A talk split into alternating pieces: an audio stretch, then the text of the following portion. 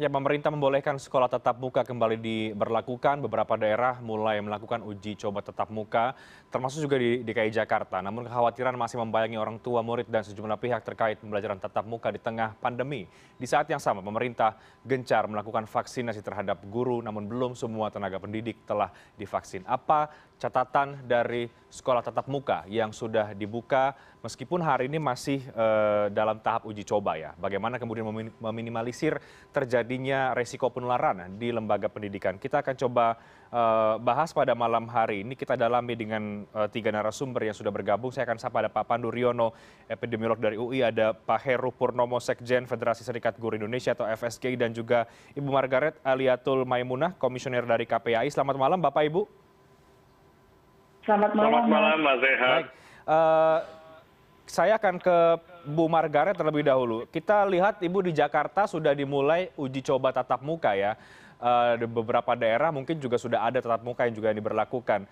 KPAI sebagai pihak yang juga uh, sering menyoroti terkait dengan rencana sekolah tatap muka yang dibuka kembali ini, apa catatan Anda, Bu Margaret, dari uji coba yang berlangsung pada hari ini, di mana kita lihat baru sekitar 20-30 persen tadi Wagub katakan orang tua murid yang memberikan surat izin.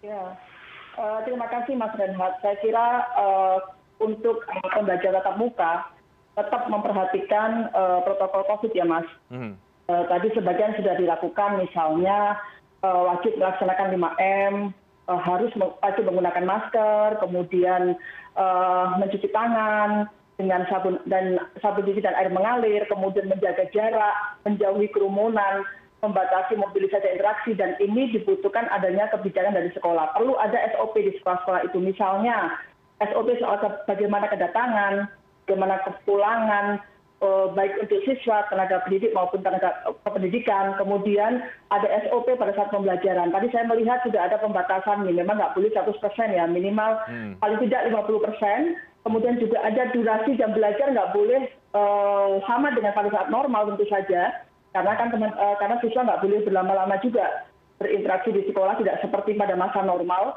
Hmm. Kemudian juga kurikulum saya kira perlu juga ada perubahan atau penyesuaian pada masa normal ini. Kemudian uh, pembagian kaitannya dengan apa namanya pelayanan di sekolah, misalnya untuk kantin diusahakan nggak usah, misalnya masing-masing harus membawa makanan sendiri, peralatan sendiri, kemudian Eh, apa namanya termasuk ketika ingin melakukan pelayanan di perusahaan harus ada SOP-nya. Jadi ketika pada saat istirahat diusahakan itu misalnya hanya sebentar, kemudian tidak ada atau diupayakan diminimalisir, tidak ada apa namanya kerumunan-kerumunan sehingga kemudian bisa dipastikan aman dan tadi memang disampaikan bahwa uh, orang tua masih sedikit nih yang menyampaikan yeah. uh, persetujuannya. Saya kira Eh, seperti yang kita ketahui bahwa salah satu prasyarat untuk bisa belajar tatap muka adalah ada izin dari orang tua. Jadi ya. sekolah saya kira sangat penting untuk bisa tetap memberikan akses uh, belajar uh, meskipun harus melalui PJJ bagi siswa yang belum mendapatkan izin dari orang tua okay. untuk waktu ini. Baik, Bu Margaret. Dan selain itu saya kira penting juga orang tua tetap diberi uh, apa pemahaman dan edukasi tentang adanya apa namanya perubahan situasi pada saat new normal ini di sekolah sehingga orang tua bisa memahami dan bisa memberikan izin uh, bisa meyakini bahwa anak-anak aman di sekolah dengan situasi new normal ini gitu Baik. saya kira. Baik, Bu Margaret, dari angka 20 sampai 30 persen yang baru memberikan izin ya untuk uji coba di hari pertama ini, uh, angka ini Anda memaknai seperti apa? Maksudnya apakah ini kemudian bisa kita cermati bahwa ternyata uh, trust ya atau kepercayaan orang tua murid juga terhadap anak yang diizinkan untuk kembali ke sekolah eh, belum tinggi atau memang masih ada keraguan-raguan? Dari angka 32 persen jelas lah ini menunjukkan berarti masih tingginya masyarakat yang khawatir dan ragu-ragu memberi izin kepada anaknya untuk pembelajaran tatap muka di sekolah. Hmm, okay. Karena angkanya okay. 32 persen. Saya okay. kira uh, ini apa namanya butuh yang namanya ada apa ya macam sosialisasi atau penguatan atau kepastian juga bahwa sekolah itu betul betul melaksanakan pembelajaran tatap muka dengan protokol kesehatan ya, yang di apa istilahnya yang betul betul sudah dilakukan pengawasan oleh protokol atau oleh pemerintah daerah saya kira mungkin seperti oke, itu. Oke, oke baik. Baik, sebelum saya ke Pak Pandu, saya ke Pak Heru dulu. Pak Heru, uh, kita lihat dari Jakarta deh ya, case-nya yang pada hari ini kan karena uji coba pertama kemudian angkanya masih uh, relatif rendah, 20-30 persen tadi juga Bu Margaret menyoroti ini masih uh, tinggi artinya masyarakat yang belum percaya atau orang tua belum percaya terhadap anak yang kemudian dikirimkan kembali ke sekolah begitu ya. Nah, dari FSGI melihat uji coba sekolah tatap muka di Jakarta atau mungkin yang sudah berlangsung di daerah-daerah yang lain sebetulnya bagaimana Pak Heru? Uh, begini, uh, apa yang disampaikan oleh Mbak Margareta rata-rata uh, seperti itu artinya partisipasi masyarakat atau partisipasi orang tua mendorong putra putrinya untuk kembali ke sekolah memang masih rendah. Okay. Artinya bahwa di sini perlu ada satu tindakan, perlunya hmm. sosialisasi. Bahwa sosialisasi yang disampaikan oleh kepala sekolah kepada gurunya, gurunya kepada orang tuanya, orang tua siswa itu agar memahami bahwa hmm. satu sisi eh, pembelajaran tatap muka di sekolah ini merupakan satu jalan keluar dari kebuntuan atau permasalahan pembelajaran jarak jauh yang selama ini terjadi. Hmm. Yang mana di situ banyak sekali terjadi uh, learning loss dan lain sebagainya. Nah hmm. ini perlu disampaikan kepada orang tua. Untuk meyakinkan itu bagaimana?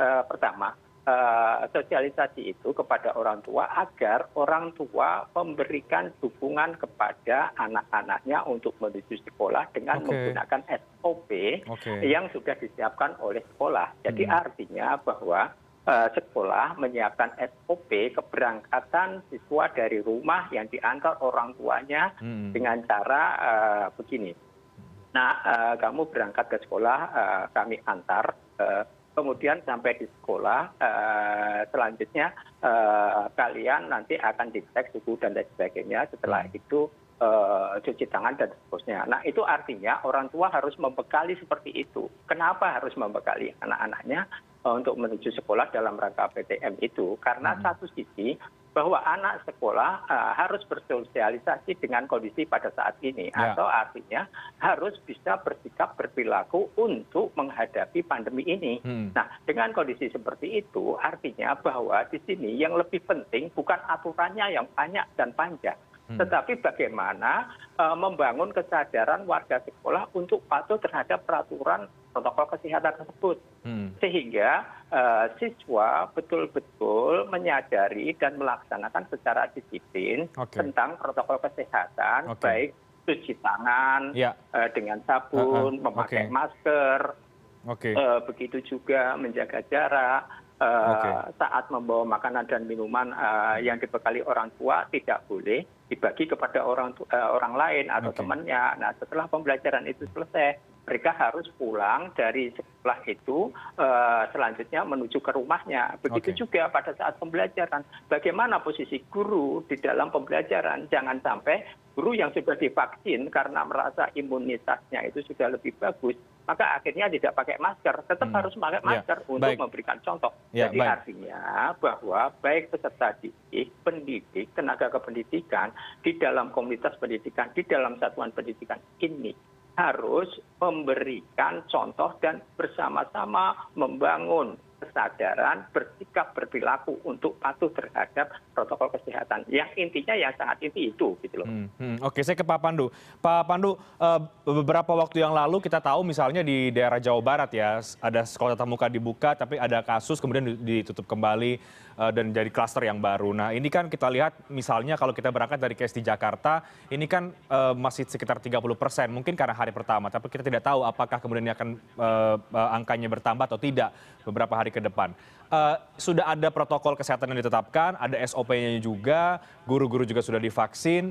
Uh, mengapa uh, sampai hari ini kita lihat sepertinya belum tinggi uh, apa uh, trust atau kepercayaan orang tua terhadap anak yang kemudian diperbolehkan kembali untuk sekolah tatap muka, misalnya di Jakarta saja, Pak Pandu? Iya, kalau 100% percaya malah saya heran. Hmm. Ya, jadi kalau masih ada keraguan itu wajar karena kan uh, kita tahu bahwa kondisi pandemi belum sepenuhnya terkendali. Okay. Tentu ada kekhawatiran. Hmm. Nah, kekhawatiran ini yang perlu kita uh, menyadari bahwa sebenarnya ini kan bukan uh, proses belajar tatap muka, hmm. tapi proses belajar di era pandemi yang masih kombinasi antara tatap muka dan jarak jauh, ya, ya kan? Jadi masih hybrid uh, ya. Kombinasi ini yang harus ditanamkan. Hmm. Tidak mungkin 100% tatap muka dan dan belum memungkinkan untuk itu. Hmm. Terutama adalah karena tadi situasinya belum seluruhnya terkendali. Hmm. Kemudian eh, orang tua atau eh, itu masih khawatir pastinya. Hmm. Karena apa? Karena eh, belum yakin juga apakah kondisi sekolah sudah memungkinkan. Kita tahu bahwa kondisi sekolah kan eh, sebagian sekolah di Jakarta tuh eh, masih eh, lebih tertutup ya, menggunakan AC dan sebagainya. Jadi mungkin kondisi sekolah itu harus dengan ventilasi yang lebih terbuka. Hmm. Dan ketiga adalah kita uh, saya sendiri belum melihat bahwa di dalam kondisi pandemi ini yang paling penting adalah adanya usaha kesehatan sekolah. Jadi ada integrasi antara dinas pendidikan atau masyarakat sekolah dengan kesehatan. Jadi hmm. kalau ada hmm. apa-apa bisa cepat ditangkap tanggulangi. Hmm. Apakah nanti perlu testing berkala? Mungkin saja itu harus dilakukan. Ya, jadi eh, kita bukan hanya mengubah bagaimana belajar, tapi bagaimana pelayanan kesehatan pada anak sekolah yang dulu dikenal sebagai usaha kesehatan sekolah itu kita modifikasi hmm. untuk membangun kepercayaan yang lebih luas, mewujudkan secara bersama bahwa uh, kondisi sekolah itu uh, terkendali atau aman. Nah ini yang hmm. yang paling penting karena hmm. kalau ada kegiatan uh, dari pihak kesehatan tentu jauh lebih menjamin bahwa kondisi sekolah itu. Relatif lebih aman walaupun risikonya tidak 0%, Betul. tapi okay. risikonya sangat rendah. Oke, okay, oke. Okay. Dan itu yang kemudian menurut Anda perlu untuk diberlakukan. Di uh, artinya kan ini juga kembali lagi ke soal uh, fasilitas infrastruktur begitu kan kalau memang ada uh, usaha kesehatan sekolah tadi itu uh, uh, pertanyaannya sekarang belum tentu semua sekolah bisa menyediakan itu Pak Pandu kan? Betul sekali hmm. karena kan bertahap lah jadi uh, dinas kesehatan juga harus perlu uh, belajar juga bagaimana okay. merevisi upaya kesehatan sekolah di sekolah. Nah, okay. usaha kesehatan sekolah di masyarakat yang uh, masih masih bervariasi kan hmm. sekolah kan bervariasi ada sekolah yang swasta ada sekolah yang negeri ada yang sekolah yang relatif jauh lebih siap dibandingkan hmm. nah dengan demikian maka tentu kondisi yang berbeda-beda ini bisa diselesaikan secara bersama kalau memang belum memungkinkan uh, itu juga kita harus selesaikan. Okay. Dan yang paling penting kan uh, ini kan konsepnya kan uh, tidak setiap hari belajar, yeah, ya yeah. kan? Hmm. Dan mungkin anaknya juga harus dirotasi supaya bisa ketemu dengan anak yang lain gitu, hmm. dari siswa yang lain. Karena kalau setiap hari Senin ketemu dengan siswa yang Senin, tentu uh, tidak memotivasi bertemu dengan teman yang uh, setiap hari datang yang hari yang berbeda. Hmm. Jadi hmm. dengan mutasi rotasi seperti itu akan menghidupkan dan meningkatkan sosialisasi di antara uh, siswa sekolah itu sendiri. Oke, Pak Heru, uh, sekolah itu bervariasi. Ada yang swasta, ada yang negeri, ada juga sekolah uh, untuk umum, tapi ada juga sekolah kejuruan. Saya agak penasaran ini Pak Heru, mungkin Anda bisa gambarkan kepada kami. Tapi usai jeda ya, ini bagaimana sebetulnya sekolah-sekolah SMK ya? Ini kan yang kerap kali sebetulnya melakukan praktikum. Nah, di masa pandemi seperti ini impactnya bagaimana terhadap para siswa yang kemudian di sekolah-sekolah SMK yang mengedepankan praktikum sementara di tengah pandemi? Ini uh, hampir tidak mungkin dilakukan apalagi kalau kemudian tidak ada tatap muka. Uh, seperti apa bayangan atau gambaran yang mungkin Anda bisa gambarkan kepada kami? Kita bahas di segmen berikutnya. Kami akan segera kembali di saat lagi.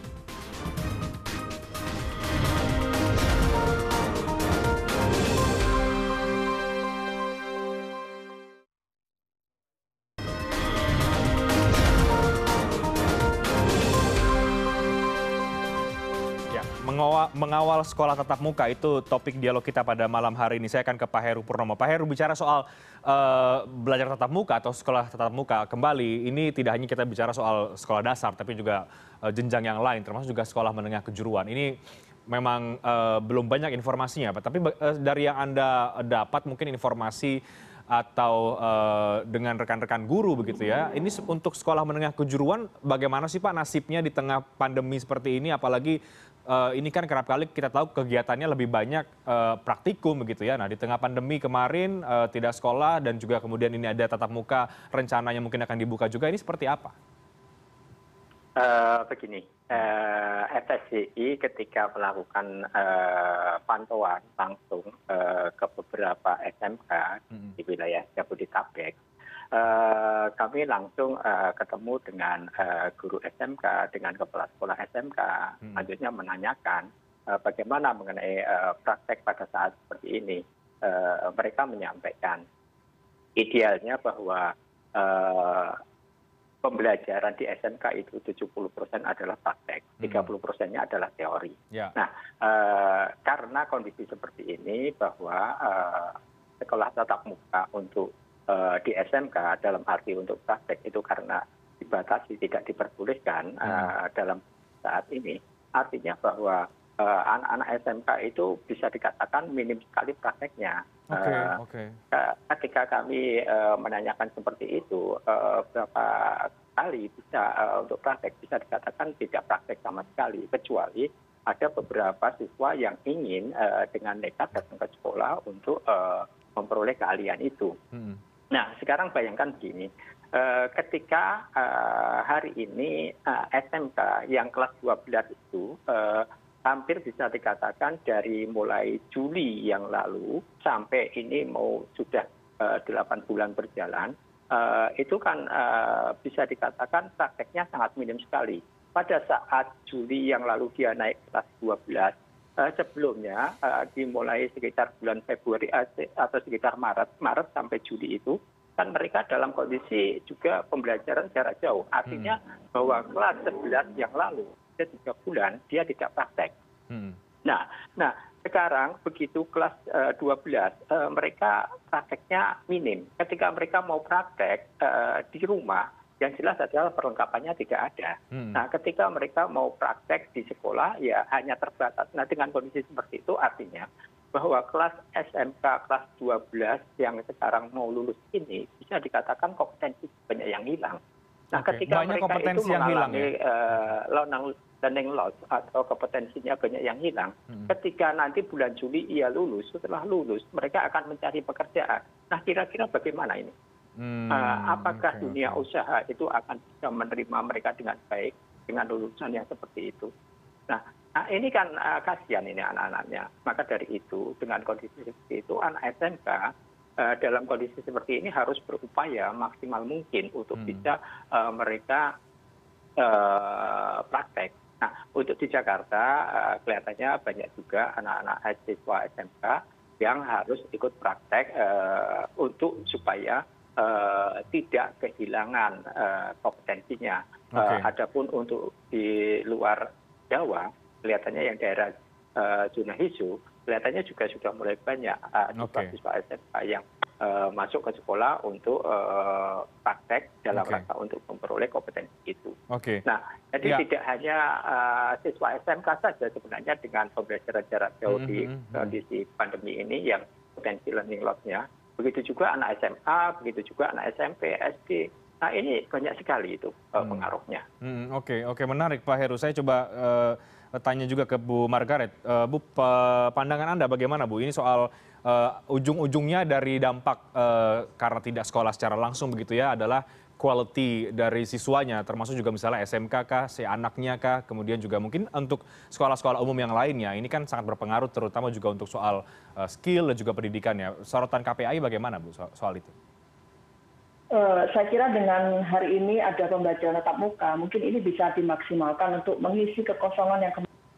Tapi tetap dengan catatan, hmm. gitu ya, uh, ada SOP terkait dengan uh, berbagai hal yang ada di sekolah, mulai dari pada saat datang masuk, pembelajaran, sampai pada penggunaan uh, laboratorium atau apa pun yang itu menjadi tempat untuk praktek ya bagi hmm. teman-teman di SMK misalnya. Hmm. Hmm. Yang jelas uh, tatap muka ini bisa dimaksimalkan untuk uh, menguatkan apa yang kemarin hilang pada saat masa pembelajaran jarak jauh, hmm. yang kurang terisi pada saat masa pembelajaran jarak jauh. Hmm. Tetapi dengan tetap menggunakan atau memperhatikan protokol kesehatan, kemudian juga beberapa hal yang dan yang tidak kalah pentingnya adalah bahwa ada sumber daya yang mendukung, SDM yang mendukung. Hmm. Dalam artian para tenaga pendidik dan tenaga pendidikan itu juga bisa memahami hmm. apa terkait dengan protokol COVID, termasuk juga uh, segala hal yang itu harus dilaksanakan di sekolah, misalnya terkait dengan SOP-SOP itu. Hmm. Kemudian pemahaman dari orang tua terkait dengan protokol pelaksanaan protokol COVID di sekolah pembelajaran tatap muka, termasuk seluruh pihak yang mungkin ada di luar yang memang ikut dalam proses pembelajaran dan tadi yang seperti disampaikan oleh Pak Pandu harus punya atau terhubung atau punya sinergi atau punya uh, akses layanan kesehatan yang nanti atau sudah sudah tersinergi dengan sekolah sehingga ketika nanti terjadi sesuatu hal yang di luar dugaan misalnya ada siswa yang kemudian sakit misalnya atau ada salah satu yang ada di sekolah mengalami itu itu bisa langsung dirujuk okay. oleh uh, okay. akses atau layanan kesehatan yang sudah menjadi rujukan dari uh, sekolah itu. Okay. Saya kira mungkin seperti itu. Oke, okay. uh, Pak Pandu, uh, kita kemudian juga mengingat bahwa Eh, vaksin ya terhadap guru sekarang tengah digencarkan kembali. Juga terhadap lansia sebetulnya. Ada prioritas lah begitu ya. Karena sudah mau menuju bulan Juli nanti tetap muka. Ini kan masih uji coba misalnya di Jakarta. Nah tapi kan juga ada vaksin yang ini belum selesai tenaga pendidiknya sebenarnya semuanya. Sorotan Anda terkait dengan vaksin terhadap tenaga pendidikan seperti apa Pak Pandu? Iya jadi ini yang menjadi sorotan. Dulu kan prioritas pertama seharusnya nakes bersama lansia ya. Dan kemudian kalau kita mau memulai uh, sudah mempersiapkan rencana untuk pembelajaran uh, hibrid ini kita uh, perlu juga memikirkan uh, vaksinasi pada guru. Hmm. Tentunya guru-guru yang uh, di kota-kota di mana pandeminya tinggi ya seperti Jakarta, Jabodetabek gitu kan atau di Bandung Raya gitu. Jadi prioritas-prioritasnya memang ke arah sana. Terus eh, tenaga pelayan publik yang lainnya harus bersabar menunggu gitu kan. Hmm, hmm. Uh, itu juga sudah dilakukan di banyak negara. Kalau hmm. memang pendidikan menjadi penting, ya kan, ini kan termasuk prioritas yang ya. harus dipikirkan. Jadi tadi eh, kesulitan untuk supaya menciptakan sekolah yang aman. Hmm. Ya, jadi uh, memang anak belum divaksinasi. Mudah-mudahan akhir tahun ini atau setelah bulan September vaksin untuk anak, anak ya? remaja ya? sudah mulai tersedia. Hmm. Dan yang paling penting juga untuk praktik, kum atau yang lainnya enggak ada salahnya menggunakan APD misalnya kan APD yang bisa disiapkan untuk supaya proses belajar yang itu bisa uh, berjalan dan hmm. aman gitu. Ini hmm. yang menurut saya harus ada inovasi baru kalau sudah ada upaya untuk bertemu di dalam kelas. Pertama kelasnya harus uh, kondisinya ventilasinya bagus, kemudian uh, perlu menjaga jumlah siswa di dalam satu ruangan, dan kalau ada praktikum praktikum mungkin harus menggunakan APD tertentu.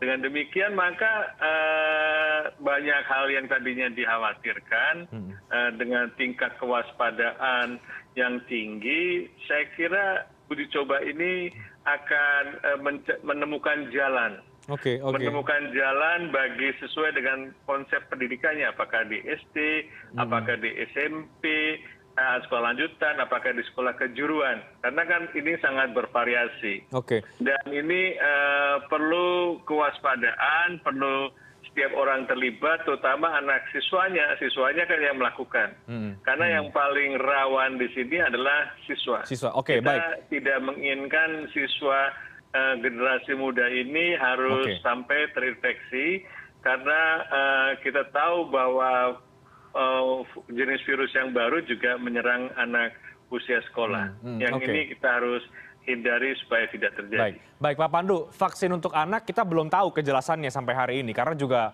uh, ini bisa bicara juga soal stok ya, karena kan stoknya juga terbatas. Uh, tapi yeah. juga vaksin untuk guru juga belum uh, selesai rampung semuanya. Oh, iya. Tapi tapi di sisi yang lain pemerintah sudah mulai agak uh, uh, dalam tanda kutip percaya diri begitu untuk melakukan sekolah tatap muka di tengah uh, vaksin guru yang belum selesai, kemudian juga vaksin anak yang juga uh, belum jelas uh, uh, apa nasibnya begitu ke depan seperti apa. Apakah anda melihat satu hal yang memang tepat ya kita sudah mulai bicara atau sudah mulai melakukan uji coba untuk sekolah tatap muka? Tapi kita bahas di segmen berikutnya Pak Pandu. Kami akan segera kembali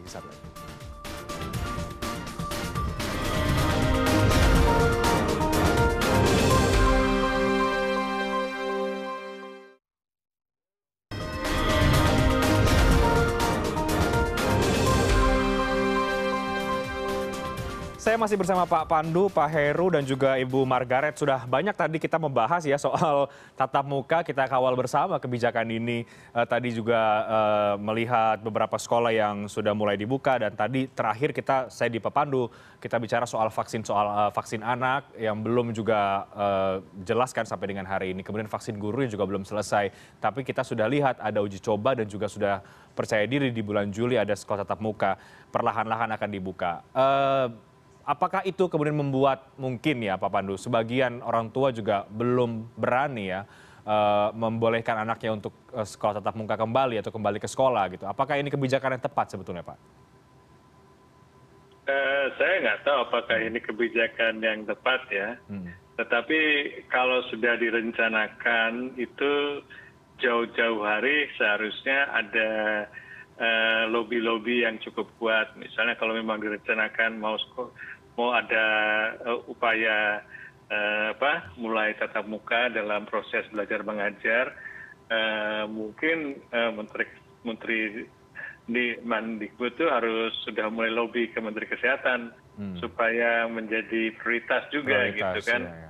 Saya nggak tahu kan sejauh mana itu bisa terjadi dan hmm. kalau itu menjadi keputusan presiden seharusnya presiden juga bisa menunda untuk uh, pelayanan publik yang lain Eh, dengan keterbatasan vaksin oke sekarang kita fokuskan dulu lansia dan guru misalnya dengan hmm. demikian kan eh, ini memberikan eh, suatu keseriusan hmm. bahwa kita memang mau memulai suatu pendidikan yang penuh berisiko tetapi sebagian kita mengusahakan sudah ada yang siap kalau belum ada yang hmm. ada yang belum siap ya boleh saja menunda. Jadi yang sudah siap silahkan mulai gitu kan. Hmm. jadi tidak harus serempak dalam satu waktu semuanya melaksanakan proses ini. Ya hmm. ini menurut saya eh, sangat bervariasi tergantung kesiapan terutama kesehatan kesiapan psikologis.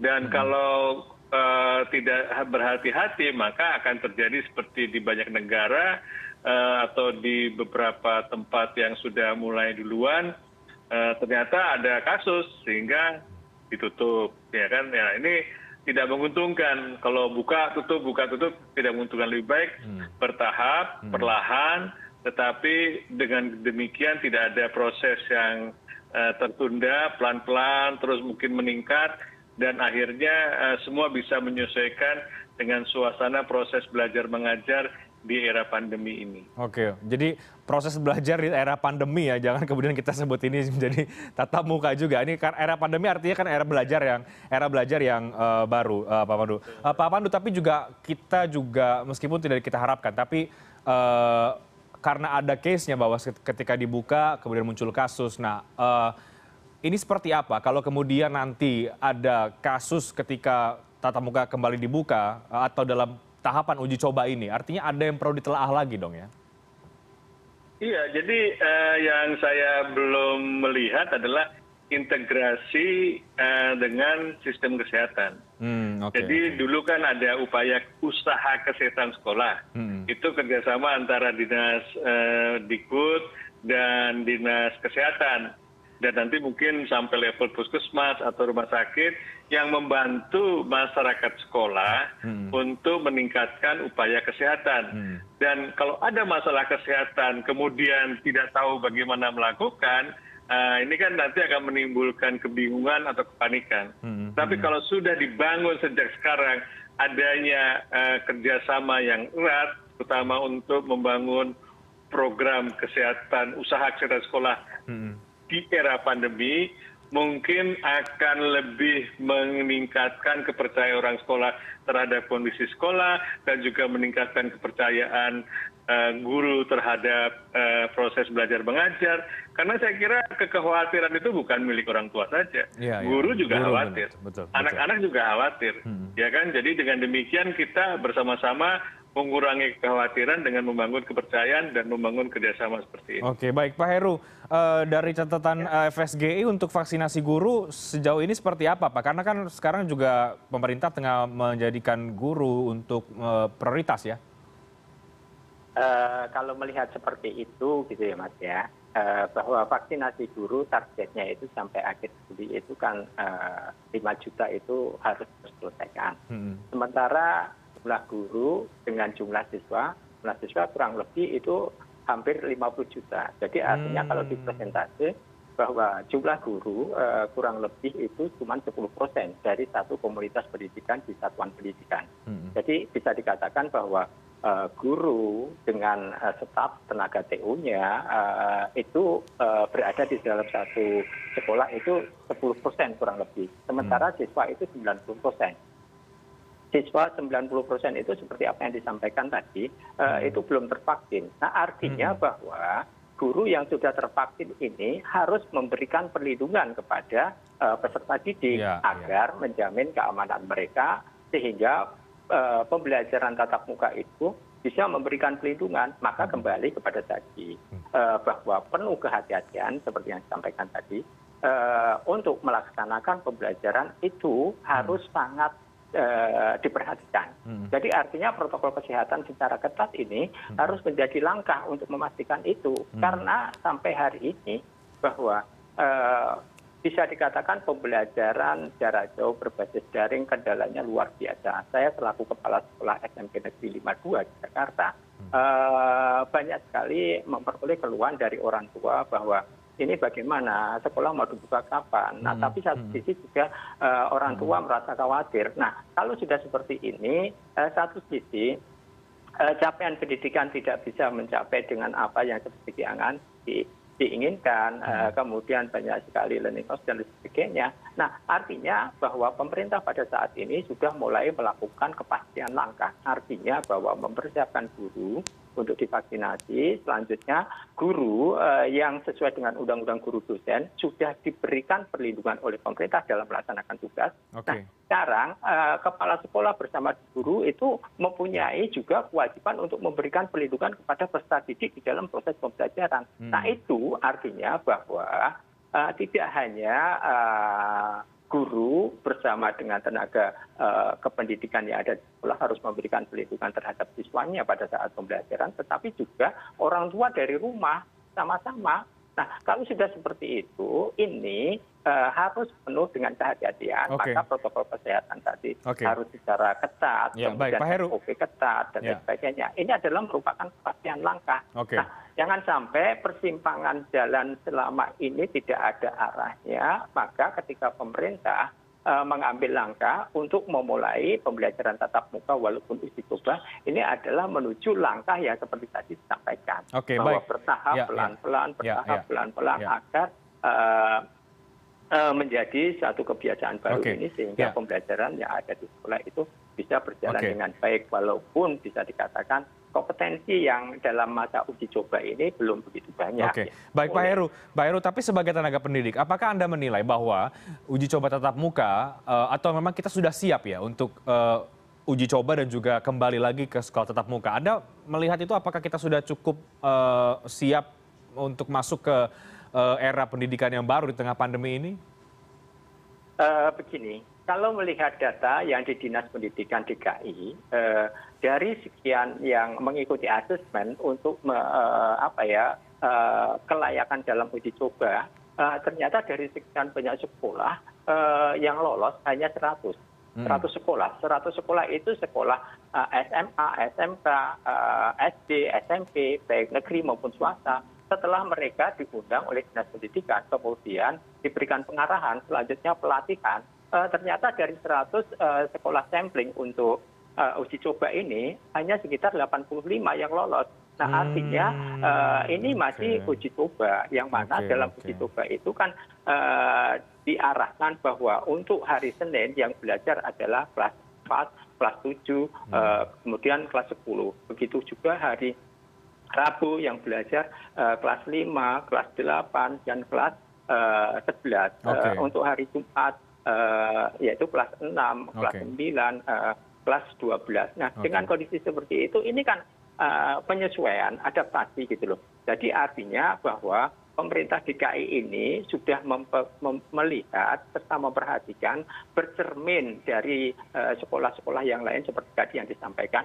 Jangan sampai sekolah itu menjadi buka tutup. Okay. Kasus di, ya, ya, ya. Eh, di Kalimantan Barat misalnya, hmm, hmm, uh, tanggal 22 uh, Maret dibuka, tanggal eh 22 Februari dibuka, okay. uh, kemudian menjadi kluster baru, okay. uh, tanggal 3 uh, Maretnya ditutup kembali. Begitu juga uh, di Tasikmalaya, begitu juga di Jawa Barat, okay. uh, dan begitu juga di Jawa ya. Tengah. Artinya banyak sekali sekolah-sekolah yang menjadi kluster baru karena ah, ah, ah, ketidakhati-hatian. Okay, okay. Uh, oleh karena itu, memang terletak kesiapan pembelajaran tatap muka dalam uji coba ini ada pada posisi kesiapan sekolah di dalam protokol kesehatan. Dan ini memang butuh support anggaran. Yeah, yeah, nah, yeah. sekarang tergantung dari pemerintah, anggarannya bagaimana. Hmm, nah, hmm, untuk hmm. pemerintah DKI uh, itu sudah sangat bagus uh, hmm. bahwa sekolah-sekolah yang ada di DKI, terutama yang negeri, itu kan uh, sudah disupport dari BOS, tapi okay. juga disupport dengan BOP. Okay. Nah, dengan kondisi seperti itu infrastrukturnya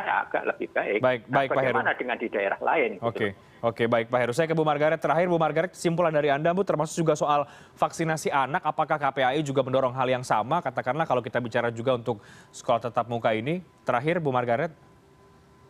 Uh, saya kira saya menambahkan saja dari yang hmm. tadi disampaikan Pak Pandu sama Pak Heru bahwa satu hal penting adalah perlu ada semacam uh, pengawasan dalam petik oleh pemerintah daerah terkait dengan melakukan cek recek misalnya apakah sekolah itu sudah memiliki sop mulai dari kedatangan sampai proses pembelajaran dan lain sebagainya.